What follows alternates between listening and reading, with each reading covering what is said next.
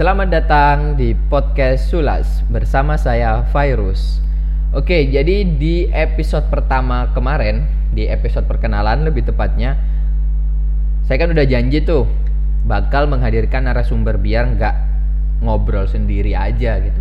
Nah, untuk hari ini nih kita sudah kehadiran narasumber pertama saya. Mungkin beliau langsung memperkenalkan diri saja ya siapakah sebenarnya beliau ini. Oke, monggo silakan. Ya oke bro, kalau perkenalan kan berarti nama ya? Iya. Oke, silakan. namaku Dian bro. Budian berarti ya Ah, manggilnya saya. Iya. Eh, jangan Bu kali ya, agak lebih mudaan gitu. Oh, Mbak berarti.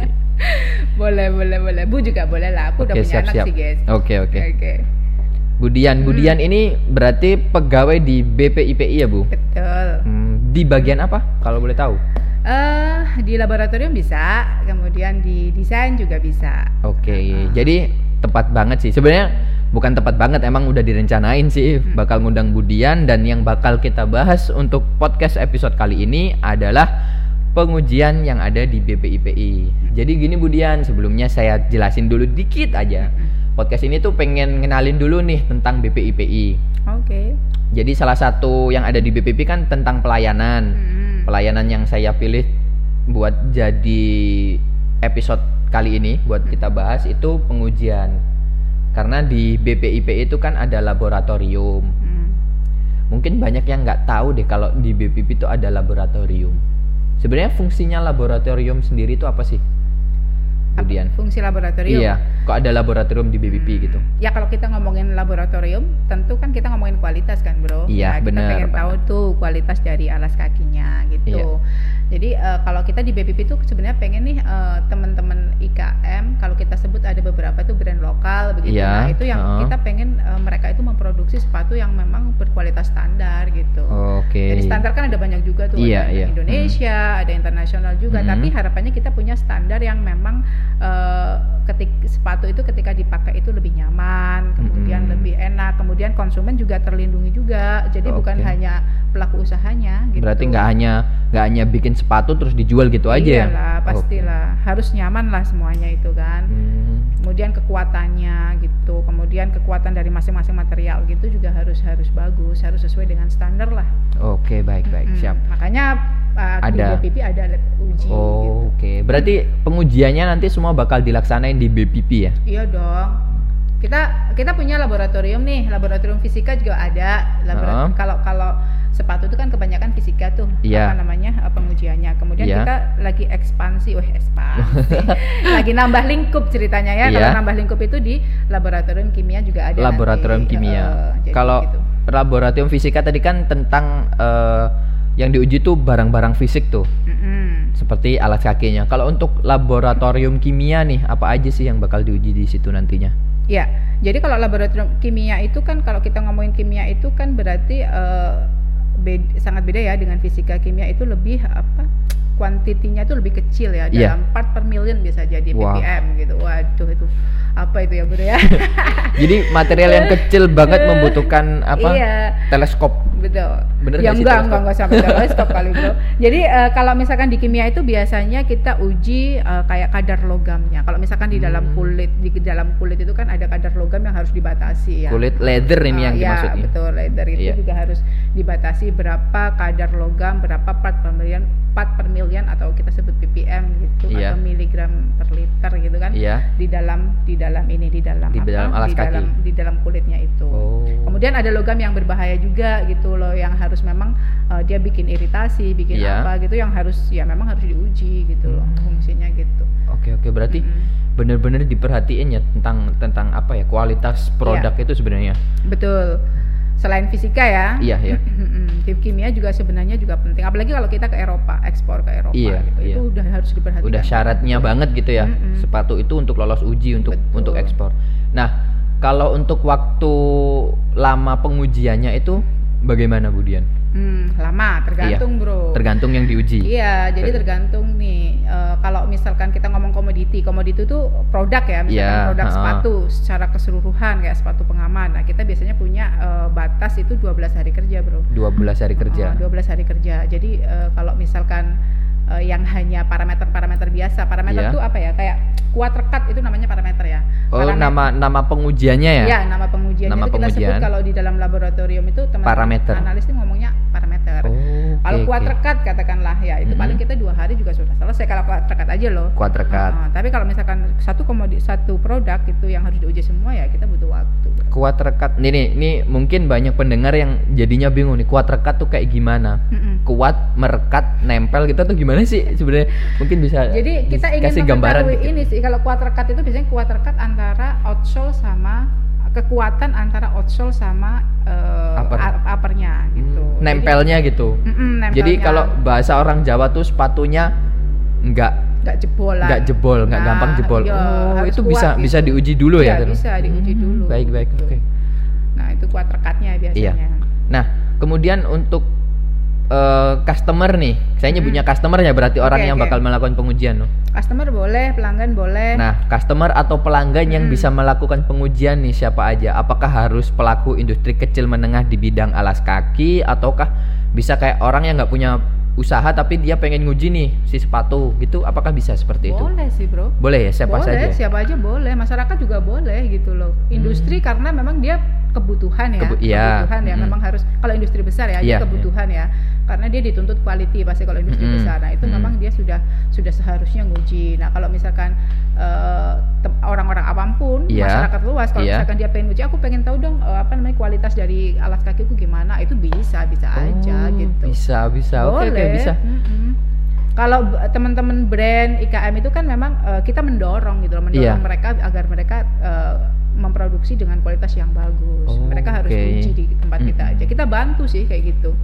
Sebenarnya fungsinya sendiri kalau seandainya ada IKM pelaku industri kecil menengah di Mhm. bidang alas kaki yang mereka tuh aware banget gitu, peduli banget dengan kualitas. Itu apa sih manfaatnya ketika mereka benar-benar memperhatikan produk dengan hasil pengujian yang lolos gitu ya, lolos uji Mhm. gitu, parameternya tadi lolos semua. Itu apa sih sebenarnya manfaat untuk si produknya? Bagus, Bro.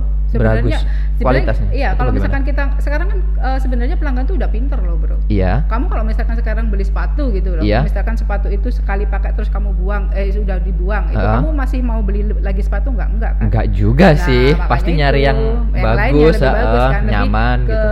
continual continualnya ya, iya, artinya ah. mereka juga eh, apa namanya ketika eh, pengen sepatu yang produk yang bagus itu juga Mhm. pelanggan juga pertama terlindungi, kepuasan pelanggan juga juga eh, terlampaui gitu loh Iya, iya. maksudnya. Dan Hmm. eh, produk ketika pesan sekali besok akan pesan lagi ketika apa nama produknya itu bagus gitu. Iya, ya bisa direkomendasikan ke orang lain juga sih ya. Betul, bisa rekomendasi ke orang lain. Eh itu loh sepatu yang bagus gitu. Wah, iya bener banget sih. Jadi Jadi sebenarnya ini berantai gitu. Oh, Oke, jadi eh, buat mungkin dari pendengar podcast Sulas ini ada yang pelaku industri kecil dan menengah, mungkin eh, setelah mendengar obrolan kita, obrolan saya sama Budian ini, terus akhirnya wah, saya pengen dong bikin sepatu yang sesuai dengan eh, apa ya, kayak gitu namanya tuh sesuai dengan Standar. ya, Hmm, sesuai dengan standar, pengen diujikan ke BPP ah.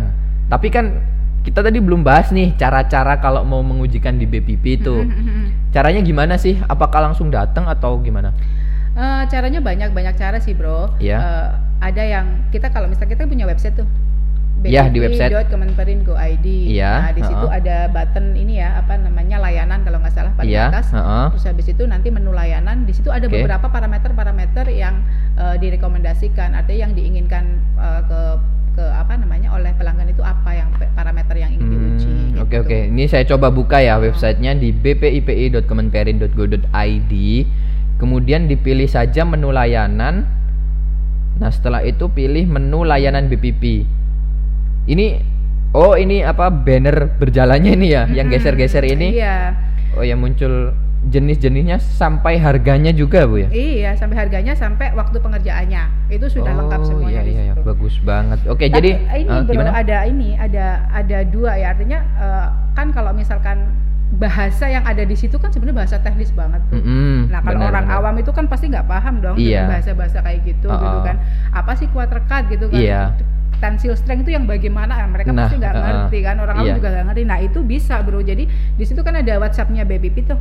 Website. Di, di, Oh ini eh, yang B- foto terbang ini ada Nah, foto iya, fotonya mbak-mbak pakai mbak-mbak. kerudung or apa pink, pink ya. Ha, nah itu bisa bisa ini Langsung bisa di-chat chat aja. aja. Di- Biasanya kita nanti akan arahkan pada ahlinya gitu loh. Ahlinya di Hmm. laboratorium tuh siapa? Nanti mereka konsultasi gitu. Itu diarahkan kok dan itu free. Kita nggak ada ya pungutan biaya. Wah, jadi buat teman-teman yang mungkin baru mau mengujikan di BPP, bingung nih mau nguji dengan nama apa atau pengujiannya apa, bisa langsung kontak BPP. Ini kontak personnya. Ini kalau fotonya diklik langsung nyambung ke WhatsApp ternyata ya. Iya langsung. Nah, bisa langsung tanyakan bebas Iya, mau bebas. tanya apa saja tentang pengujian dan itu eh, tidak dipungut biaya sama sekali, jadi gratis. Nah, Jadi ini biasanya itu apa namanya? Gimana? eh, biasanya pelanggan itu ini dulu sih. Mereka karena ya bah- bahasa teknis banget makanya mereka pengennya konsultasi dulu. Biasanya Hmm. kan eh, konsultasinya eh anu Pak kalau misalkan untuk kekuatan outsole-nya itu kira-kira parameter apa ya? Misalkan pengujiannya apa aja ya? Nah, itu biasanya Iya. mereka tuh tanya gitu. oh berarti gitu. sampai eh, ini nih kalau kita di rekomendasiin sih biasanya. Oh gitu. Nah, kita rekomendasiin, oh kalau pengennya di apa misalkan gitu. Iya. Pengennya di kekuatan outsole misalkan. Nah, kalau kekuatan outsole ya sudah kita parameter apa aja itu kita biasa biasanya pilihin gitu. Oh. Kan banyak yang awam soalnya, Bro. Mm, mm, gitu loh. Iya sih sebenarnya saya juga belum belum eh, meskipun saya juga kadang sering di BPP sering nongkrong saya juga kan pegawai cuma kan saya agak acuh sama sama yang lain-lain Hmm. saya juga kayak baru banyak Nggak care dong. ya bukan gak care boleh, tapi kan lebih gitu, fokus ke Bro. pekerjaan saya gitu loh Asik. Kadang emang eh, kalau teman-teman ada yang tanya gitu teman-teman saya yang tanya gitu biasanya memang saya langsung arahkan sih ke yang bagian di laboratorium. Karena saya sendiri juga nggak nggak nggak menghafal semua. Nah kalau dilihat di websitenya sendiri ini kan ada menu pengujian. Mm-mm. kalau dipilih itu dia akan keluar 9 gambar. Itu berarti ini ada ada itunya juga ya ada apa penjelasannya secara simpel. Seperti safety footwear impact tester Nah, iya, mesin betul. itu oh Jadi kita pengen kenalin juga sih. Kadang kan eh, teman-teman kalau pabrik kan sih oke lah, mereka Iya. kadang udah punya punya ini sendiri ya di Ha-ha. laboratoriumnya mereka. Cuma eh, teman-teman yang kayak sebenarnya sepatu itu kan dipakai oleh semua orang kan, Iya. bener nggak? Tapi Ha. mereka kadang kan nggak paham. Oh, ka- eh, ternyata kualitas yang bagus itu yang bagaimana itu awam Mm-mm, bagi mereka. Nah kita pengen mengenalkan alat-alatnya ke mereka gitu melalui yang ada di website itu, bro. Hmm. Saya oh ya impact tester itu alatnya apa sih seperti ini? Wah, gitu. siap. ya Jadi mungkin sedikit-sedikit lah kayak footwear knowledge buat eh, masyarakat luas. gitu. berarti ini laboratorium knowledge gitu ya. Nah iya, sebenarnya banyak banget sih kalau kita gali bro, kalau misalkan kita pengen. Berarti ini gitu. bakal bakal lebih dari 9 dong harusnya. Oh bisa. Semua mesin kita, yang iya. ada itu. Kita tuh punya alat, alat. tuh 40-an kita ada. Wah, gitu loh, banyak banget. Cukup lengkap ya. Eh, lengkap banget. Kalau fisika kita lengkap banget sih. Kalau fisika lengkap. Nah, kimia kita juga leng, eh, kura- eh, lingkupnya akan kita tambah lagi gitu. Oke. Mm-mm. Berarti kalau seandainya ini nih Budian bisa ngasih nggak contoh pengujian dan gambaran pengujiannya gitu. Mungkin yang simpel aja. Oh yang simpel aja ya, aku ngomongin ini aja deh. Kekuatan rekat antara bagian atasan sama bawahan. Berarti Oke. antara upper, upper itu tadi kan udah kamu jelasin ya bro ya? Upper Belum itu- upper. Jadi teman-teman upper itu bagian yang menutup kaki kita di bagian kalau di sepatu tuh dia di atas kaki kita. Ya, Tapi kalau bottom itu yang kita injak di bawah. Betul. Jadi kayak sol bahasa Ah, orang ah. awamnya sol. ya. Oh, itu Itu, itu, itu kan di assembly eh, apa namanya dirakit ya kalau kita Dirakit, ngomong ah, orang- dilem, di lem, di dilem, lem. Nah, oke. itu kita ingin tahu nih kekuatannya kekuatan lem lemnya. antara atas dan bawahan ya. Biasanya kita uji kuat rekatnya Oh, gitu kan. pengujiannya namanya kuat, kuat rekat. rekat. Nah itu kan Ah. bahasa teknis banget kan bro. Ah. Jadi kan memang kenapa kita eh, tetap buka untuk layanan secara ini di WhatsApp itu biar teman-teman itu yang nggak paham itu bisa langsung konsultasi gitu. Hmm, Oke oke. Nah kalau di sini kan ada abrasion tester. Mm-mm. Sepaham saya sih abrasi ya itu pengikisan tanah karena Betul. air laut gitu. Nah ini ini yang diuji tuh apanya? Ya sama sih abrasi itu kan ya, ya pengikisan, kikis itu ya abrasion itu. gitu Dari loh. outsole-nya berarti ya kalau kikis. karena Kikis itu kita- bisa outsole bisa upper juga sebenarnya. Oh, Upper itu gitu. ketika dikikis juga bisa, outsole itu dikikis juga bisa gitu. Oke, kikis itu nanti eh, ini seberapa eh, apa seberapa mudah terkikisnya ya, gitu mudah bahan terkikisnya itu. sih. Bahan itu mudah terkikisnya gitu. Berarti itu sebenarnya di setiap outsole sepatu itu mereka itu punya apa ya? eh kayak syarat syarat yang harus dipenuhi biar sepatu itu bisa dipakai nggak mudah terkikis gitu. iya, ada. Jadi sepatu itu kalau misal eh outsole ya, kalau Iya. misalkan dia terlalu keras kan juga nggak enak juga kan Ah. kita. Kita pakai juga nggak enak kan. Itu kalau ngetes keras enggaknya keras Itu atau lunaknya itu ada pengujian apa namanya? Namanya kekerasan itu ada Waduh, juga. beda banyak lagi. pokoknya bro. Wah, kayaknya banyak banget ternyata. Iya.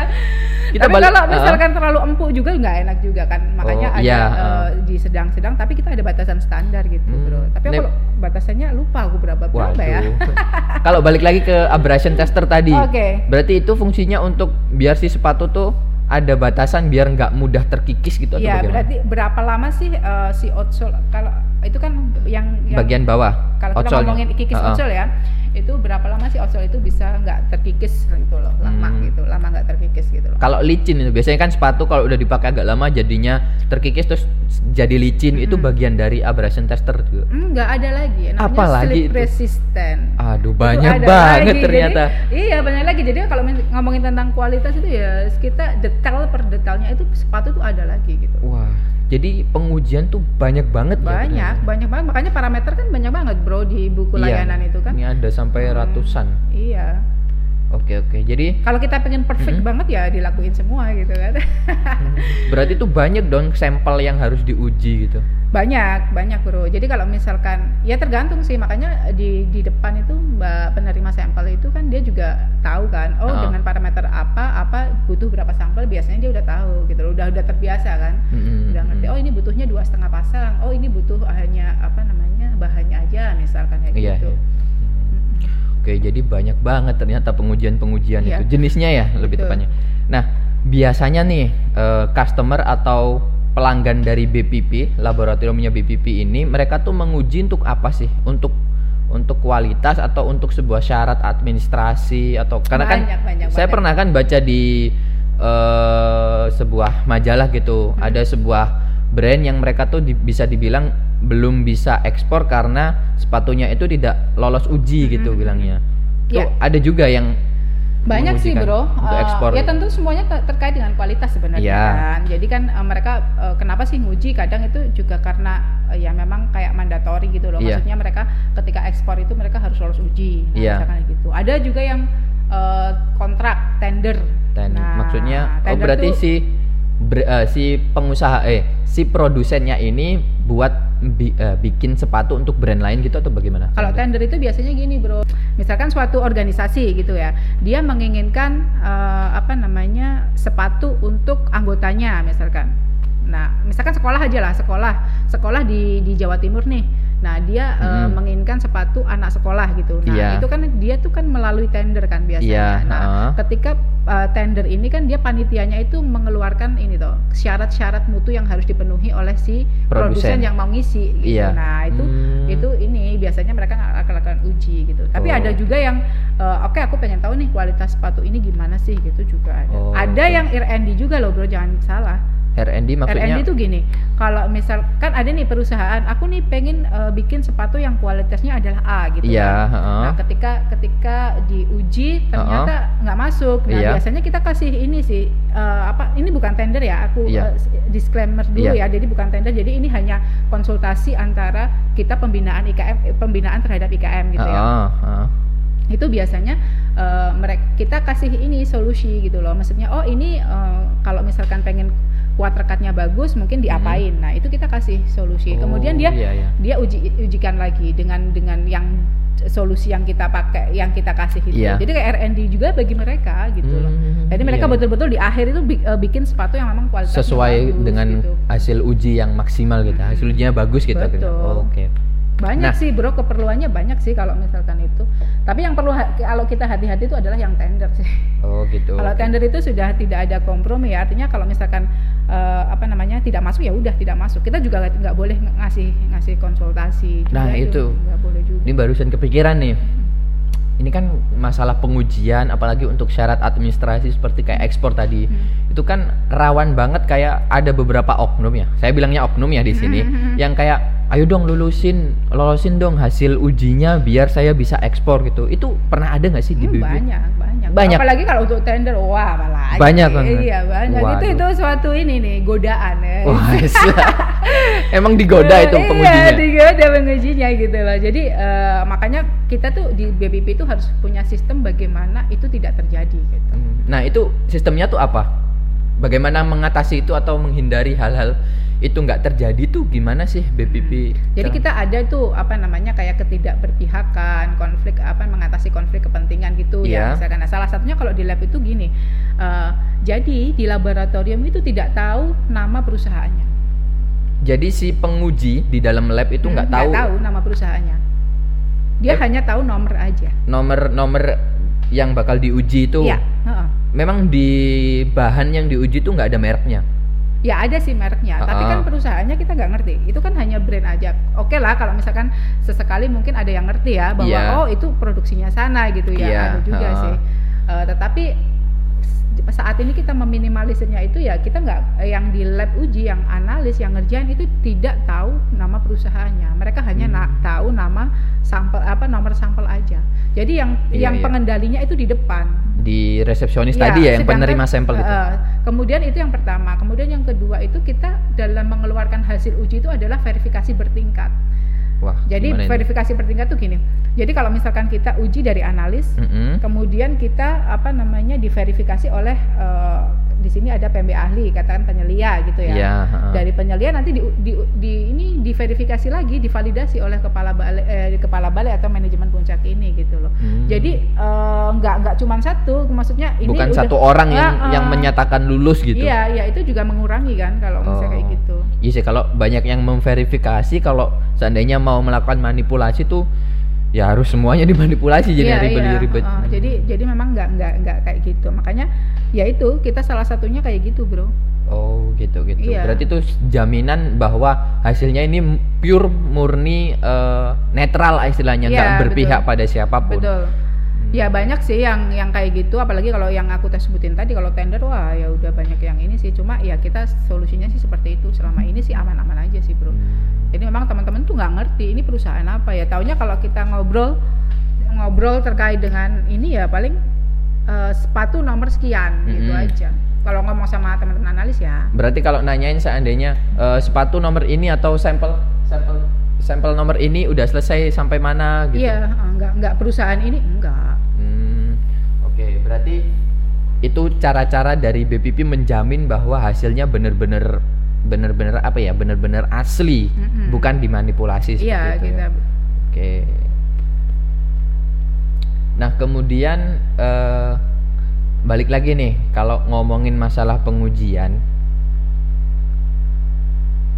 kenapa sih kok sampai harus dilakukan pengujian itu? Maksudnya, eh, apakah ada masalah juga seandainya ada produk yang tanpa melakukan pengujian tapi mereka sudah dijual di pasaran?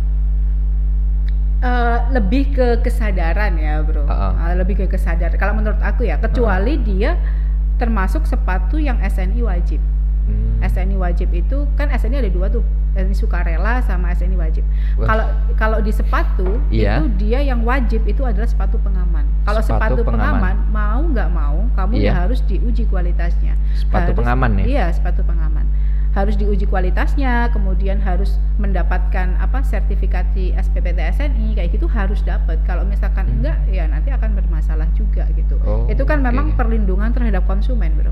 Berarti si sepatu pengaman itu digunakan untuk ini ya apa pekerjaan-pekerjaan berat gitu bukan sih? Betul, iya, karena itu digunakan untuk pekerjaan ber- yang berbahaya dan lain Uh-uh. sebagainya. Makanya pemerintah itu dengan apa namanya me- menjadikan si sepatu pengaman itu merupakan sepatu yang dengan SNI wajib yang mau nggak mau Harus kualitas terpenuhi. harus standar itu harus sudah ada untuk melindungi Hmm. konsumen juga gitu loh. Oke oke. Kalau sepatu yang SNI sukarela ya sepatu pria, wanita kayak gitu ya sepatu yang sukarela SNI sukarela sih itu. Kalaupun kamu mau jual bebas juga nggak masalah. Masalah Cuma lebih ke kesadaran ya, lebih Iya, ke kesadaran ha, ha. sama eh, ininya pelanggan gitu loh. Tapi kan- kepuasan pelanggan. Heeh. Tapi kan ini biasanya hasil uji dari ini bukan sepatu pengaman tadi ya, Mhm. si SNI sukarela tadi. Mm.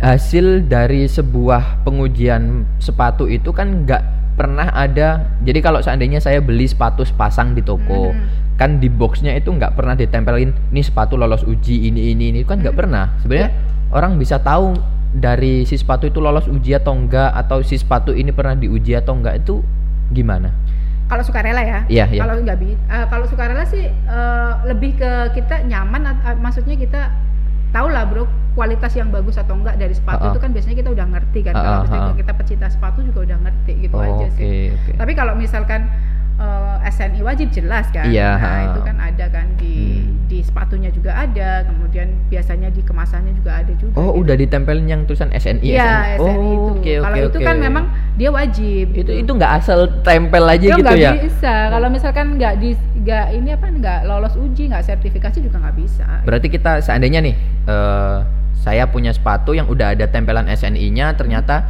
saya merasa kurang kurang kurang apa ya? kurang Nyaman. nyaman dipakai Hmm, atau tidak memenuhi syarat SNI tadi, Hmm. saya bisa mempertanyakan ini bener-bener SNI beneran atau tempelan aja gitu bisa ya?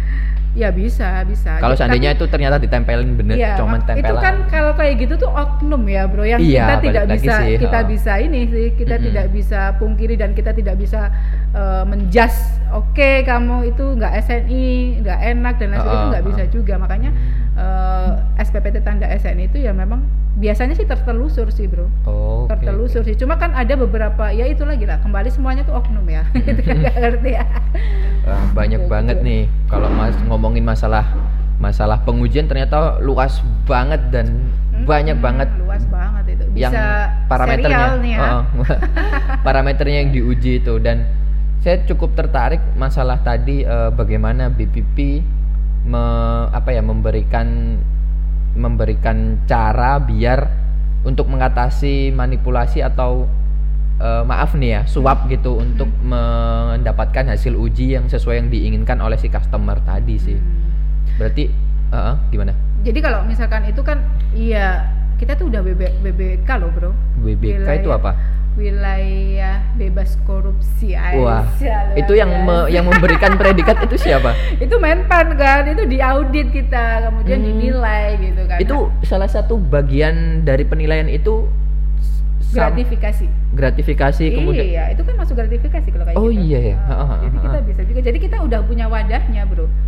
Jadi kita Hmm. sebenarnya kita pemerintah tapi kita sudah open ya artinya kalau misalkan ada gratifikasi ada apa kita silahkan Ke- Ha-ha. semua semua semua lini di di sosial media kita baik Ha-ha. website dan lain sebagainya itu wadah-wadah untuk kayak gitu sudah untuk pelaporan gratifikasi pun juga sudah ada gitu loh. Hmm, berarti bisa dibilang si tempel eh bukan tempelan predikat WBK Hmm. WBK ya bener WBK Hmm, wilayah predikat WBK wilayah bebas dari- korupsi ini bisa dijadikan sebagai patokan oh kalau kalian menguji ini karena kan di sini ada lab laboratorium Mhm, mhm. kalau kalian mengujikan di instansi ini dan instansi ini udah punya predikat ini bisa dijamin hasilnya itu tanpa dipertanyakan tuh keren gitu ya hasilnya tuh bener-bener tanpa manipulasi banget ya Budian Ya idealnya gitu sih. Ya harusnya sih, ya ya bukan idealnya ya memang harusnya. Iyalah, kan kita Oke. udah berpredikat ya.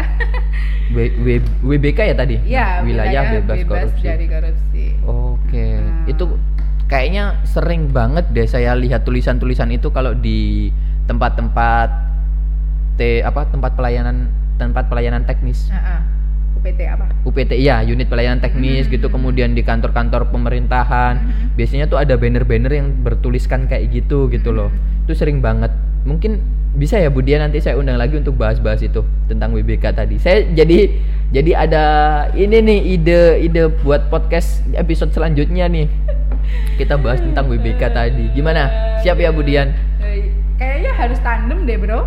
Tandem. Oke, Iya. nanti kita Oke, nanti eh, nanti saya coba cari pasangan narasumbernya. Kayaknya Budian ini bisa bisa kita undang lagi Nanti sih. bosen kan orang lihat suaraku aja lihat denger suara aku. Ya apalagi jangan suara dulu. saya dari awal kemarin juga suara saya. Mungkin itu saja ya Budian Oke, terima kasih, kebetulan Bro. Tag podcastnya juga di sela-sela. Ini mau Iya. ada meeting lagi sepertinya Budiannya karena emang beliau ini sangat sibuk.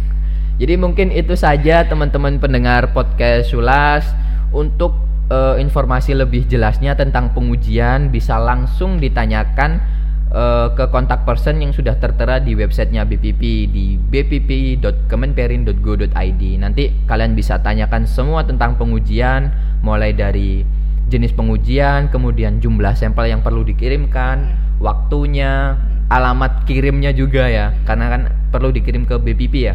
Iya, Karena kan eh, sekarang kita juga masih PPKM.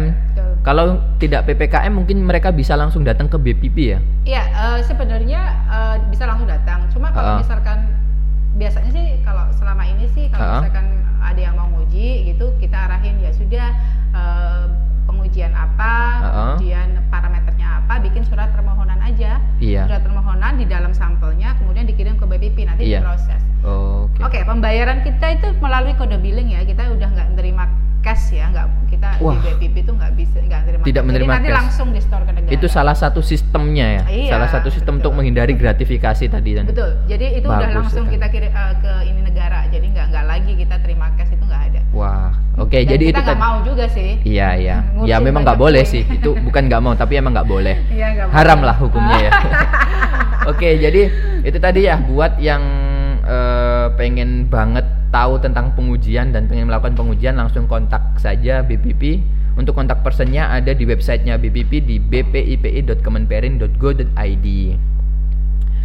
Eh, mungkin cukup itu saja Budian ya. Terima Oke. kasih untuk informasinya tentang layanan pengujian laboratorium Balai Pengembangan Industri Persepatuan Indonesia.